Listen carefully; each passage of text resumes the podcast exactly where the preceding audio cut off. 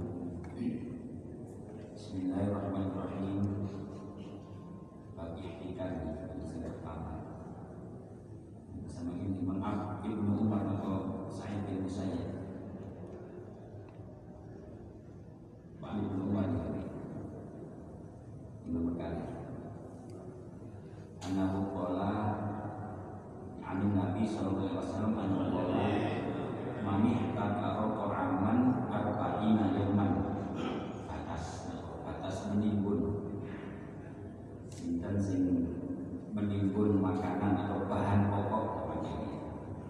Atas 40 hari Karena nanti untuk merusak harga kalau 40 hari menjadi langka maka harganya mahal Fakat bari amin Allah Ta'ala wa bari Allah minhum Jadi orang ini berarti telah tidak bertuhan dan sama-sama ini Bari amin bebas Lepas saking Gusti Allah Maksudnya lepas dari hukum Allah Wa bari Allah sebaliknya Allah juga lepas dari orang itu Jadi Allah tidak mau Jadi tidak diakui lagi sebagai hambanya yang beriman tentunya.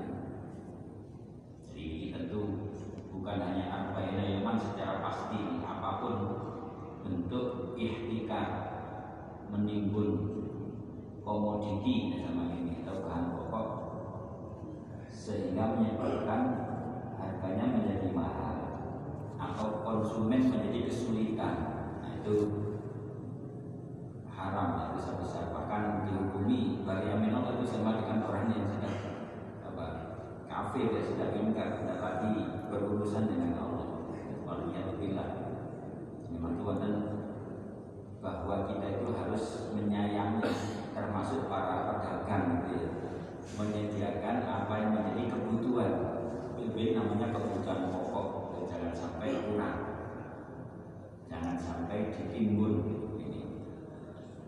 Warwa Sa'id bin Al-Musayyab An Umar bin Khattab radhiyallahu ta'ala an Rasulullah sallallahu alaihi wasallam annahu qala al jalibu marzukun wal muhtadibu mal'unun nanti bedanya al jalibu itu yang sing pulaan memang untuk dijual lagi. Mungkin keterangan dengan kalau perlu dari luar daerah misalnya barang yang di sini tidak ada. Padahal dibutuhkan ada yang pulaan ke luar daerah lalu dijual di sini sehingga orang sini menjadi terpenuhi kebutuhannya. Sebaliknya wal muhkad jadi maksud diberi oleh Allah karena berdagang itu tadi pasti dapat untung. Dengan keuntungan yang wajar sebaliknya al muhtakim yang itu muhtakir itu dua nimbul. Malunun dilaknat oleh Allah. Ini keterangan wa inna ma arada bil jari ala yashtari ta'am lil bayi. Orang yang dimaksud al jaribu sing pulaan atau pedagang itu memang yashtari at-ta'am membeli bahan makanan pokok lil bayi untuk dijual lagi. Ya pedagang yang wajar yang biasa dengan pulaan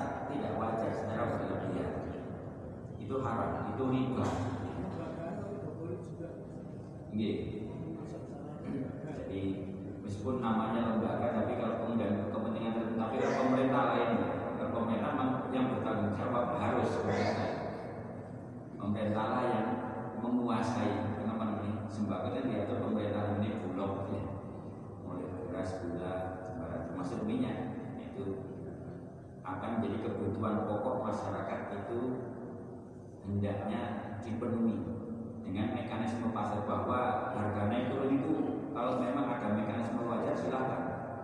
Produksinya memang langka.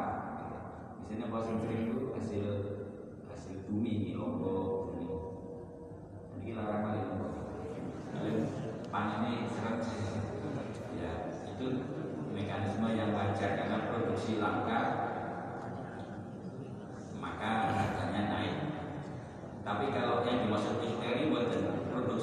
normal sentimennya itu cuma kalau harga dijual di luar negeri lebih mahal sehingga di dalam negeri malah harga itu tidak boleh. Macam-macam ya dan sing teman-teman itu sing disubsidi pemerintah kan. Jadi banyak pengusaha-pengusaha nakal. Seperti itu memanfaatkan industri solar dari ya BBM disubsidi.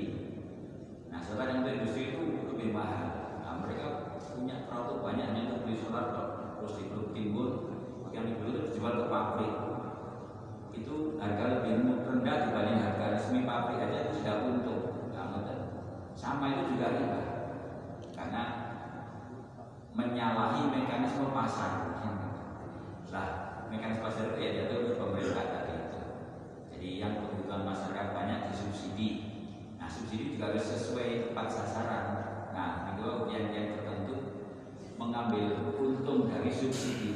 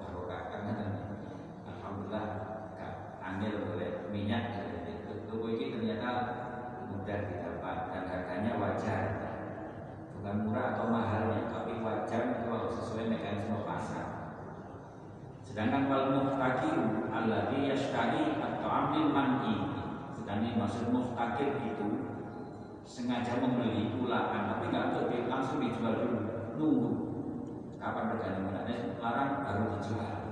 Nah, jadi itu namanya muhtakir bahkan wajah dulu minas membuat susah membahayakan membuat susah orang lain. Pakai butuh kaono padahal saja di gudang katakan ini pun di gudang menimbun ini nah pelaku pelaku inilah yang dilaknat oleh Allah. Jadi tidak boleh al jalib itu yang diberi rizki tapi bahwa misalnya pulaannya banyak ya tentu harus punya gudang ya tapi bukan untuk menimbun tetap barang disediakan. Jadi memang batasannya itu gitu ini kok wajarnya itu seberapa jadi tapi kok mekanisme pasar lah yang menentukan. Warwa asyu'abi anna rajulan arada ayyuslima ibnahu ila amalin yang jadi masrahakan jadi yuslima itu nitip masrahakan anaknya untuk satu pekerjaan. Jadi kamu ini ngelamar pekerjaan. Masyarat nabi ya Ajeng yang ini musyawarah nyebut pendapat yang musyawarah dengan nabi. Bidalika dalam ini di kamar ini nabi ini anak kula pun lulus. Kecone kerja teng pundi? Mana ingin daftarkan pekerjaan anak Faqala lahu Rasulullah wasallam. Maka Nabi memberi arahan ini masalah pekerjaan. Nabi memberi arahan la tuslimhu ila hunnatin yatul hintoh. Yang pertama jangan anakmu ini dipasrahkan atau dimagangkan kepada penjual gandum. Hintoh itu gandum hunnat itu pedagang gandum. Nah ini pedagang beras. Kenapa buat buat berarti bikin mutlak buat tadi tapi ada sisi apa sisi negatifnya yo biasanya pedagang itu suka itu istiqar suka nimbun. Lek buat ini pun buat nomor apa sering nomor kali wala ila jazarin. Jangan dipasrahkan kepada jazan itu jagal. Apa penyembelih bukan menyembelih hewan. Jazarin wala ilaman yakul akfan. Dan jangan dipekerjakan pada orang penjual kain kafan. Itu benar belum sebut nazar angsal tapi kadang-kadang dengan wong kafan yang dengan wong mati di pagi alasannya kan terjadi bukan berarti tidak boleh disediakan kalau kita umat itu mana kan butuh. Cuma nek sani itu kan ya. Jadi kan tuku kain misalnya RW itu untuk macam punya kain stok dia sewaktu temen itu sudah bisa boleh kayak itu sebagai piran piran set lima lima atau tujuh gitu. Paling tidak nah ini alasannya amal funatu adapun penjual gandum fal ayyalqa kok Rasulullah SAW Nabi? Al yalqallah ta'ala zanian au syariba khamrin khairun lahu. Min ayyalqallah ta'ala bahwa habasat ta'am arba'ina lailatan jadi dikhawatirkan kalau anak sampai nanti bekerja pada juragan beras sama pada juragan gandum maka seandainya anak sampai itu mati dalam kondisi punya dosa zina atau mabuk itu lebih baik dibanding bapak ini diancam nih maksudnya. Maksudnya ini diancam ini ini di sini diancam. Bahwa orang berzina atau minum khamr itu lebih baik dibanding dia meninggal. Bahwa habas atau amar adalah dia dalam kondisi menimbun bahan pokok ini bau sampai 40 hari kan wow, ini 40 hari. Tapi buat 40 hari ini nimbun yang menyebabkan menjadi langka sehingga konsumen kesulitan itu lebih jelek dibanding orang yang mati mabuk atau mati zina. Ini maksudnya ini ancaman Nabi. Jadi bukan berarti lalu zina itu lebih baik buat tetap jelek zina itu. Hukumannya dirajam kalau musuh. Kalau musuh dicampur 100 kali. Ya seperti itu. Artinya apa? Kalau orang suka menimbun bahan pokok sampai mati itu lebih jelek dosanya bukan pelaku zina dan pemabuk tadi. Jadi ini tentu peringatan. Jadi di dalam syariat Islam kenapa ada sanksi, sanksi namanya hukuman yang berat sampai hukum kisos itu ada, hukuman mati itu ada dalam Islam dalam Al-Quran. Tujuannya supaya jangan melakukan itu. Jadi hukuman itu tujuannya supaya orang takut untuk melanggar ini itu maksudnya. Jadi kalau kepada al sunnah itu kemungkinan ya karena dia pegawai kan tidak bisa apa-apa tergantung majikannya. Yang majikan jodoh sih simpenan. Nah kan dia sebagai pegawai mau tidak mau harus nuruti. Nah dia itu sama dengan itu tadi menimbun. Maka itu kata Nabi orang yang zina atau mampu itu lebih baik dibanding orang seperti itu. Maksudnya orang itu lebih jelek, itu lebih baik. Gitu kan khairun lagu tapi orang yang nimbun itu matinya lebih jelek dibanding zina dan mabuk wa amal jazaru sing berkali wau bukan jagal sembelih itu menyembelih hewan fa innahu yalbahu hatta tadhabar rahmah min qalbi meskipun ini ya tahu begitu ya tukang sembelih itu nggak punya rasa kasih sayang. Jadi tadabur rahmat sebenarnya bukan karena sembelih itu juga ada aturannya. Jadi bukan jaga gitu kelihatan yang bukan sembelih kan repot makin jadi harus ada. Bukan sembelih itu tetapi nyembelih ini ada ketentuannya kalau harus Bismillah. Nyembelih ini bukan karena ingin makan ini karena perintah Allah untuk bisa memanfaatkan hasil daging hewan ini mematikan hewan itu atas nama Allah dengan cara yang diajarkan Allah. Nggak boleh cara lain kan? Misalnya dikepuk buat tangsa disembelih itu pun ada cara pisaunya harus sangat tajam. Jangan sampai kesakitan kan? Diperlakukan secara baik itu banyak tata cara penyembelihan. Nah kalau begitu insya Allah juga enggak. Tapi umumnya kata Nabi itu kan jagal itu gak gue pelas mateni yang hewan maksudnya. Jadi tadhatur rahmah min qalbi. Wa amma bayu kafan itu adapun orang yang menjual kafan. Toko khusus jual kafan. Itu toko kain yang kemauan ya termasuk kain putih. Tapi khusus toko kain kafan ke mana fa inna min yatamanna li ummati al orang yang hanya menjual kafan hanya gitu jual kain bukan orang rokok dan kafannya kan tapi yang jual kafan kok mesti akan kok mati banyak taman kan jual kafan itu ngarap-ngarap di mati al mauta ngarap-ngarap umat itu dan mati.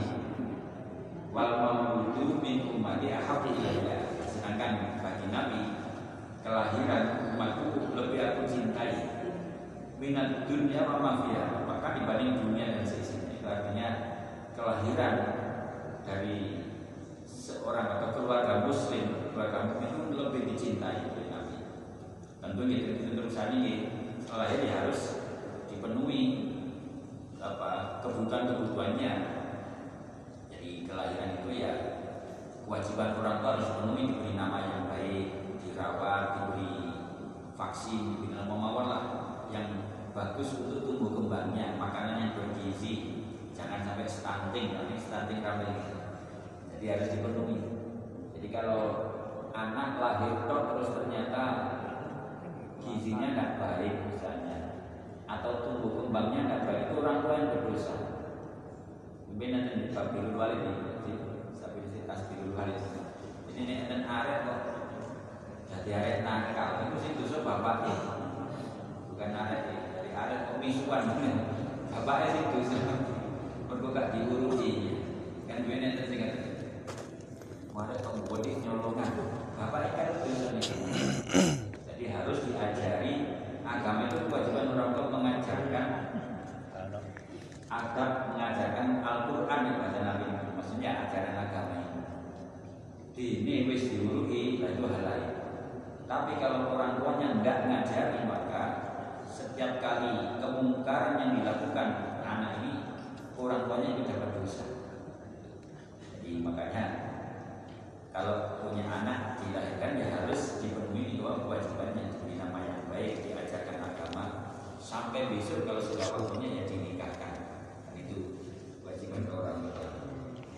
Jadi itu eh, kelahiran anak itu oleh Nabi lebih dicintai dibanding dibanding seluruh dunia dan seisinya itu artinya apa ada kebaikan maka Nabi kan tanah kahu tanah salu gitu menikahlah kamu punya anak tapi bukan hanya jumlah saja yang maksud ini anak yang baik-baik tentunya.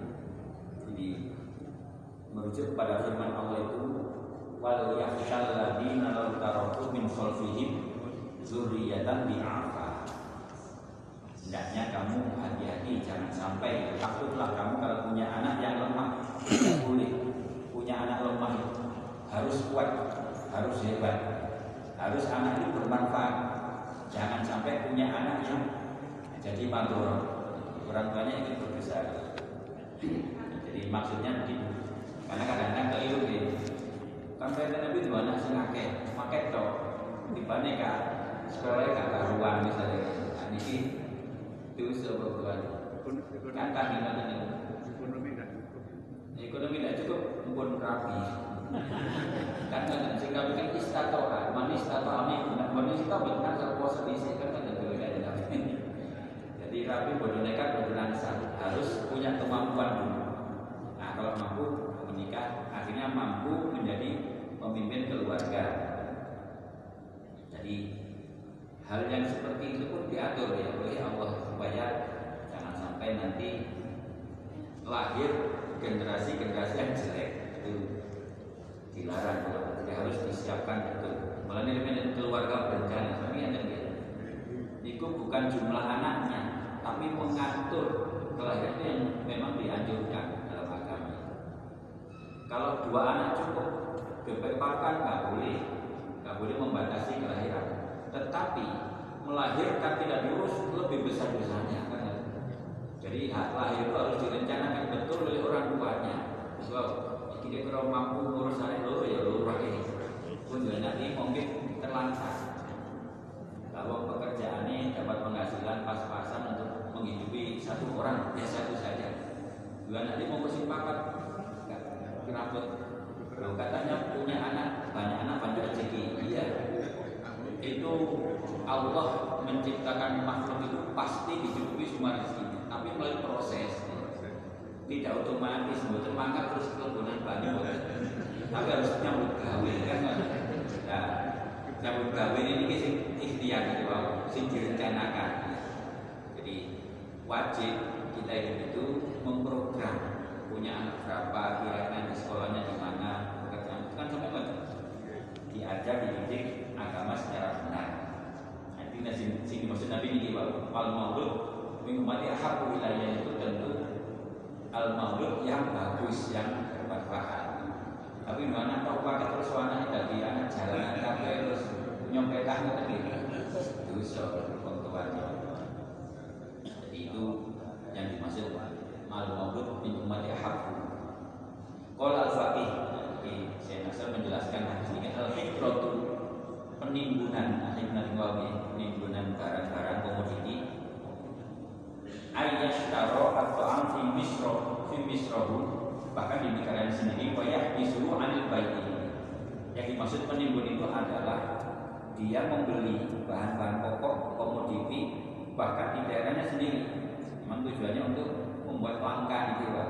Wayah besoknya ditahan, disimpan di gudang. Ambil bayi tidak dijual. Awalin nasi hajatnya nilai padahal manusia butuh itu. Fahada wal maka inilah yang disebut penimbunan alladhi naha alladhi nuhiya anhu yang dilarang. Jadi jadi yang dimaksud ikhtikar itu memang sengaja barang-barang tertentu yang menjadi kebutuhan pokok ini diborong sehingga di pasar menjadi langka. Ketika orang-orang butuh tidak ada, ada tapi harganya mahal, kita nggak mau harus beli. Nah ketika mahal dia mau jual, ini namanya ikhtikar. Itu yang dilarang. Wa amma idza dakhala lahu ta'am min bai'atin aw min jalbin min misron akhar sebaliknya atau min misrin akhar. Tapi kalau dia itu memang pulaan dari tempat lain misalnya dari bai'a itu perkebunan atau nopo daerah produsen. Ya pulaan gabah yang banyak ini lahan pertanian yang banyak yang luas. Ini petani-petani. Atau nopo itu min bai'atin aw jalbin min misrin akhar dari daerah lain ya lain yang memang sebagai produsen ini. Fa'inna wala yang umum istiqam itu tidak disebut istiqam. Yang biasa pula kau tidak boleh. Ya mungkin yang dipajang di toko ini sampai tapi di gudang enten karena ini butuh stok sebulan silakan saja. Jadi tetapi tidak di tidak dihambat, tidak disembunyikan. Jadi yang dimaksud ikhtiar ini barang itu menjadi tidak wajar keberadaannya. Jadi di pasar malah angel api dan kali larang ini dilarang. Walakin laukana linnas ilai hajatun. Tetapi kalau orang-orang membutuhkan barang itu Fal afdol ayat yang Jadi misil manipulan Karena memang sudah dibutuhkan ya langsung dijual saja. Jangan ditimbun dulu. Wafi imtinahi anda kaya kumu musian Bisu iniyatihi wakil lagi syafaqatil muslimin Ini alasan. Kalau kemudian meskipun pulang dari luar daerah sudah jelas di daerahnya dibutuhkan tapi tidak segera menjual ini kalau menimbun dulu sengaja disimpan segudang kok ini harus ngomong bodoh kelepean kabel baru dikeluarkan aku mahal sekali nah itu sih dimaksud ini jadi ya aku musian maka itu perilaku yang jelek Nopo oleh ini yang di karena niatnya jelek ya itu tadi untuk menaikkan harga supaya orang mau nggak mau beli dengan harga itu. Ini kalau benar distributor distributor biasanya ya. Nek produsen ini wis mau produksi ternyata distributor sing duwe gudang seperti ini. Jadi apa, merusak atau menciptakan situasi yang sulit sehingga harganya mahal. Kalau mahal baru dijual. Nah, ini namanya ikhtikar. Ini kalau sebilah nah. Jadi niatnya memang jelek. Bahkan kilatu syafaqatil muslimin. Sedikit rasa kasih sayang kepada orang-orang masyarakat lah secara umum. Ini orang Islam tetapi ya siapa saja sama maka bali ayyid baro ini bahkan boleh distributor seperti itu untuk dipaksa sebab itu. Oh al mustajir yang beri baru itu ala itu amin jadi kalau ada distributor yang nyata menimbun kebutuhan pokok itu maka boleh dipaksa. Ini biasa polisi ya. Operasi dulu. Ternyata di gudang ini ada sekian ribu ton. Padahal di pasar langka ini bisa dikenai pidana jadi dipaksa harus menjual. Pak ini ini amin dari kalau kemudian dia mencegah itu jadi kalau memang sengaja tidak menjualnya nah, kalau kalau kalau tidak mau dipaksa gimana? Pak ini ajar boleh dihukum. Jadi ada sanksi pidana kita di sebenarnya itu ada namanya undang-undang perdagangan ekonomi dan jadi itu ada sanksinya ini jadi dan boleh dan harus dihukum. Ayu gabu dan diajari. Wala yusakiru alaih. Tidak boleh apa Yusuf itu menetapkan harga. Jadi artinya tidak boleh harga diserahkan pada orang ini. Jadi harga harus disesuaikan dengan tinggi pemerintah nah, misalnya minyak 14.000 ribu per kilonya.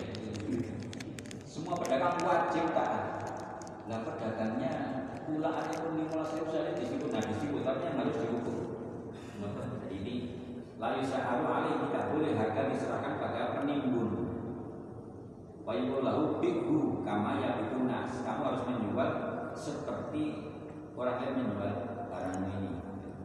Jadi harus ini berlaku harga pasar.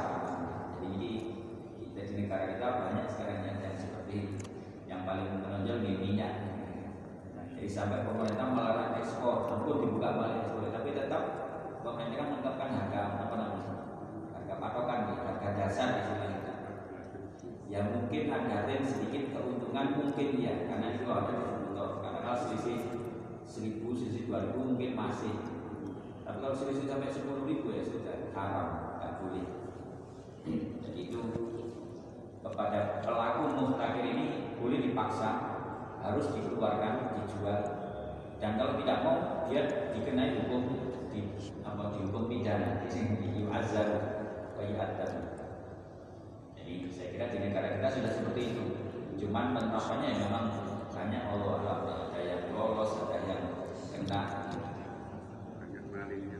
Niki warwa warwi an Rasulullah sallallahu alaihi wasallam annahu Nabi Dawud. Ana la dan ini bahwa bahkan Nabi itu tidak menetapkan harga. Jadi ana la usairu saya bukan orang yang menentukan harga, bukan. Meskipun beliau itu Nabi, apalagi sekedar orang biasa kepada Fa inna Allah Ta'ala wal musahir Maka yang menentukan harga itu hanya Allah sendiri. Dan itu harga pasar Jadi sebuah mekanisme yang wajar. Artinya nggak boleh ada penimbunan Karena nanti akan kacau. Nanti ini caranya Bagaimana itu? Di hadis berikutnya itu Kenapa Allah yang menentukan harga yang wajar Ini? Dua Rasulullah Al-Bola wa rusul jundani min harga mahal itu bola biasanya karena stok yang sedikit produksi yang memang terbatas. Sedangkan arus itu murah karena produksi berlimpah biasanya kan murah katanya itu jundani dua pasukan dua tentara pasukan atau alat aparat dari pasukan Allah. Ismu ahaduma roba nah salah satu namanya Ismail nama salah satu dari dua pasukan itu adalah Ar-Rohbah. Rohbah itu senang apa kecintaan senang. Wasmul akhru Ar-Rohbah sedang nama yang lain adalah Rohbah itu benci dan suka. Nah ini siapa ini pihak pedagang. Nah faidah Allah Taala ayyurokhisahu wa dafar rohbata fi qulubi Kalau Allah mengendaki harga itu murah, Allah itu membuat maka kodaf itu meletakkan ketidaksukaan pada hati pedagang jalan pedagang jadi gak seneng barangnya nanti dolai disimpan gak ditimbun itu arroba. Maka jauh min aidi farfasal maka pedagang ini mengeluarkan barang-barangnya min aidi dari gudangnya bisa juga sehingga harganya jadi murah karena banyak di pasaran.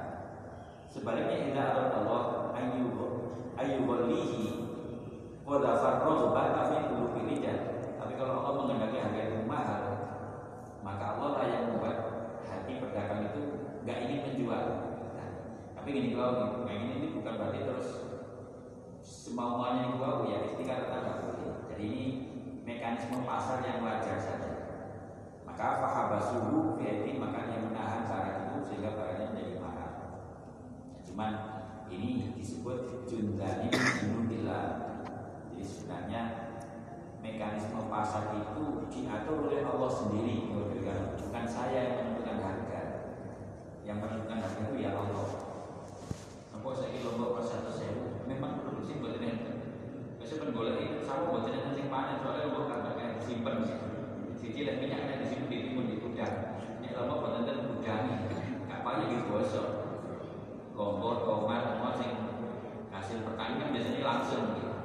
Nah itu mekanisme pasar Jadi seperti biasa Tetapi kalau kemudian dicoba di disimpan nah itu yang tidak jadi intinya harga-harga yang wajar di masyarakat itu sepenuhnya diatur oleh Allah sendiri.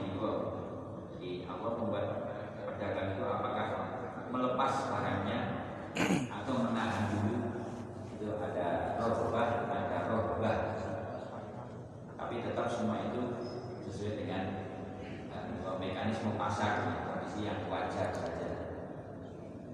Waktu kira fil khobar. Khadir marra ala kasibin minar romli. Minar romali yang romli. Diceritakan dengan seorang ahli ibadah. Di antara ahli ibadahnya orang Bani Israel zaman dahulu. Satu ketika itu pas lewat pas melampah itu melewati kasibin kasib itu tumpuan atau gumuk gundukan tumpuan pasir pas musim paceklik dan kata dia kelaparan maka fatamanna fi nafsi. Yang ibadah ini aneh-aneh di luar ini. Laukana kon. Fa asba'a bihi bani Israel fi maja'ati maja'atin asobat waduh kok umpama pasir satu ini dari telepon dari tepung daging ya. Dari tepung terigu. Buat kayak mana itu sak kota ini saja sih bisa keluar itu hanya dalam hatinya. Cuma waktu itu memang musim majaan musim kelaparan. Banyak orang kesulitan dapat makanan. Maka orang ini pas itu kok hanya punya pikiran dan nih kok ini terigu terus mangan roti kabel suara kabel hanya sekedar kan tidak mungkin. Mungkin pasir jelas pasir ini tetapi punya pikiran itu. Maka faru Allah taala ila nabiyin fihi. Maka Allah memberi wahyu kepada nabi di kalangan mereka. An kulli fulanin. Allah memerintahkan nabi agar berkata kepada orang tadi ahli ibadah itu kulli fulan. Nabi bukan nabi sinten nih Allah. Tapi siru bicara kepada ahli ibadah tadi. Inna Allah Ta'ala Qad aujabalaka Sedek tabihi Jadi niat kita Kalau kepilih pun dioleh ganjaran Kaya kaya sampai itu Duwe tepung Duwe roti sak gunung terus sampai sudah kono kafe Kampung sak kota di bawah Jadi niat tidak nih Apa angin-angin di niat Jadi ikut hanya angin-angin tidak nopo mergo saking saat ini datang ini Rasul Rahmat datang masyarakat yang kesulitan ini yakni annahu lamma nawani yakan hasanatan. Ketika dia berniat dengan baik. Atau ajro. Bi husni niyatihi wa syafaqatihi nabi sebenarnya jadi maka bagusnya niat itu dan rasa kasih sayangnya itulah al muslimin pada orang Islam. Maka diberi pahala. Warahmatahu lahu dan kasih sayang kepada orang muslim. Fayam bagi muslim ayyakuna musyrikon rohiman al muslimin jadi sebenarnya ikhtikar ini kan masalah ini masalah kasih sayang. Dua hati nopo egois kan? Ini perdagangan sing egois yang penting badi make buh untuk lekan sekarang kayak badi kan kita tidak dua hati. Tapi kalau pedagang sing dua hati ini ini buat apa caranya waktu ini gak kesulitan kalau beli banyak. Ini namanya syafaqota nah orang seperti itulah yang ini gua buat pedagang yang niat gua nanti aku malah pedagang itu maksudnya apalagi orang yang nyata menyediakan kebutuhan-kebutuhan pokok masyarakat besar sekali pahalanya jadi masyarakat jadi mudah dan sampai kesulitan itu nilainya lebih besar jadi ini hanya orang niat saja kok dikasih pahala seperti itu ya. Soalnya memang betul waktu itu pacek plek di Majapahit musim kelaparan yang sedang kita alami. Jadi tapi memang nggak ada sampai ada angin mau umpam bagi pengurus gerok itu pakai ada tapi oleh ganjaran. Apalagi pedagang yang memang menyediakan kebutuhan masyarakat maksudnya nggak ada ini. Jadi yang memang iya dilakukan bahwa orang menjadi mudah dan sudah besar sekali nilainya. Jadi ini husni niyati syafaqati rahmati itulah yang sangat dihargai oleh Allah. Maka yang bagi yang sepatutnya yaitu musyrikun rohiman al muslimin. Selalu punya rasa kasih sayang. Itu?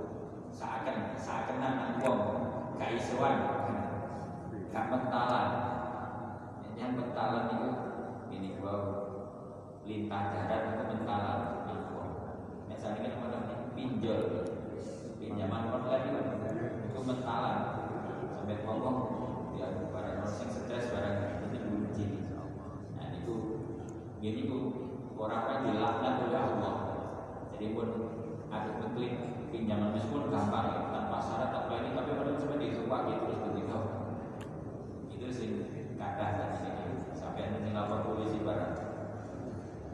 Jadi prinsipnya dalam hidup bersama itu hendaknya kita ini memberi kemudahan apa pun posisi kita. Itu contohnya kalau pedagang kebetulan nih, jangan mempersulit konsumen.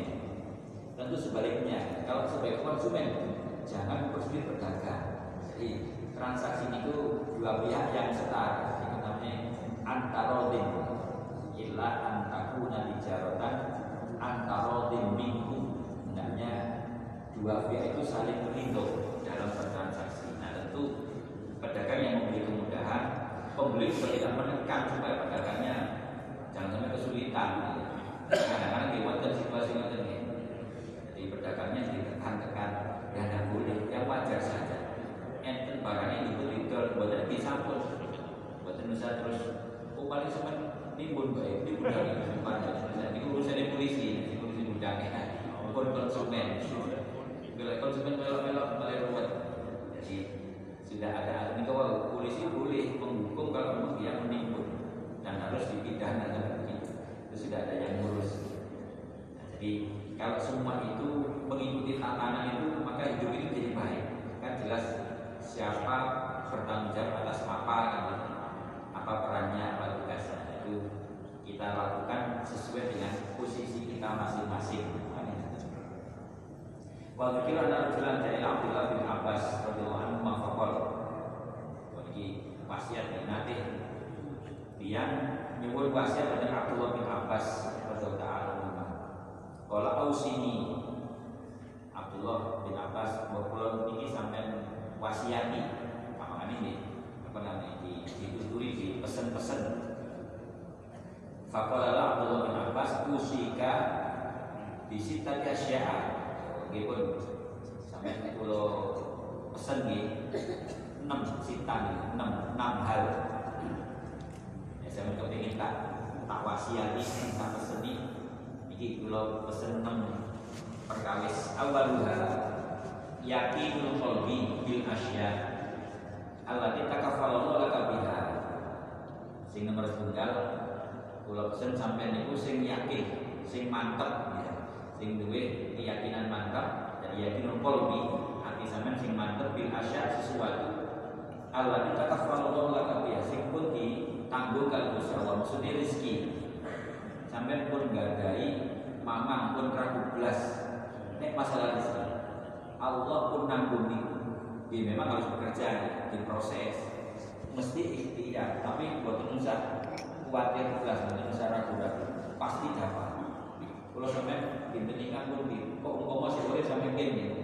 Pun di pasti. Kalau sampai sedinten ini Nedono ngomong pun yang rencana ini Allah mahfud begitu Dia cuma budi yang itu silakan Kalau sampai masak dewi Buat warung kecil sakar sampean Iku sing pun dijamin kali Gusti Allah. Jadi buatan menentok, buatan wis jamin tante nanti buatan buatan kan rawat bukti buatan itu. Bisa menten paru kita rumah sampean berubah sih. Asal rawon. Tapi dah menentok rawon paling buatan. Ini maksudnya ini. Jadi ini dijamin itu melalui ikhtiar ini. Jadi ini sing pun ragu belas meskipun yang terjemah ya, ada prosesnya di bawah nah itu sih dimaksud ini jadi yakin kalau itu dalam hati tidak ada kekhawatiran sama sekali. Tetap apa sudah dijamin oleh Allah. Watafakur nah fil akhir sebaliknya. Sing dipikir itu akhirat sing jelas aja ini ya. Nah masalah cikun jelas cuma nasib konsumen pun mati di sini sing jelas nah, ini harus dipikir. Apa bekal saya kan ada? Maka lakukan amal-amal yang solid kebaikan-kebaikan. Jadi pesan yang pertama jadi hati begitu yakin terhadap yang sudah ditanggung oleh Allah tapi kita harus mikir apa yang menjadi nasib kita di akhirat nanti. Wasali nomor kali di adail ini waktiya jadi sholat maksudnya atau fardu yang lain menunaikan kewajiban-kewajiban sesuai waktunya. Sholat sesuai waktunya zakat sesuai waktunya sudah setahun zakat. Poso di waktu ini Ramadan. Haji ini bulan Dzulhijjah ini. Itu tunaikan fardu-fardu sesuai waktu. Jadi jangan di luar waktu nggak boleh. Matahari terbit ke sholat subuh telat.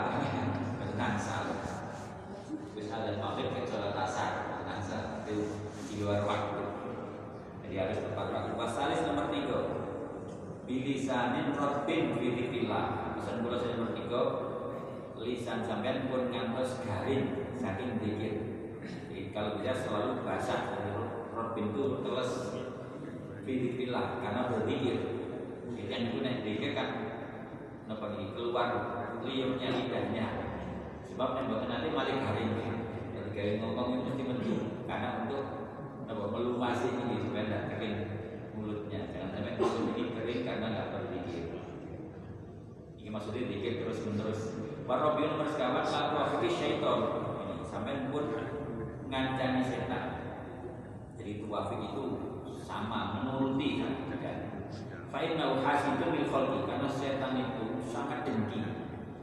Buatan setan amik nih.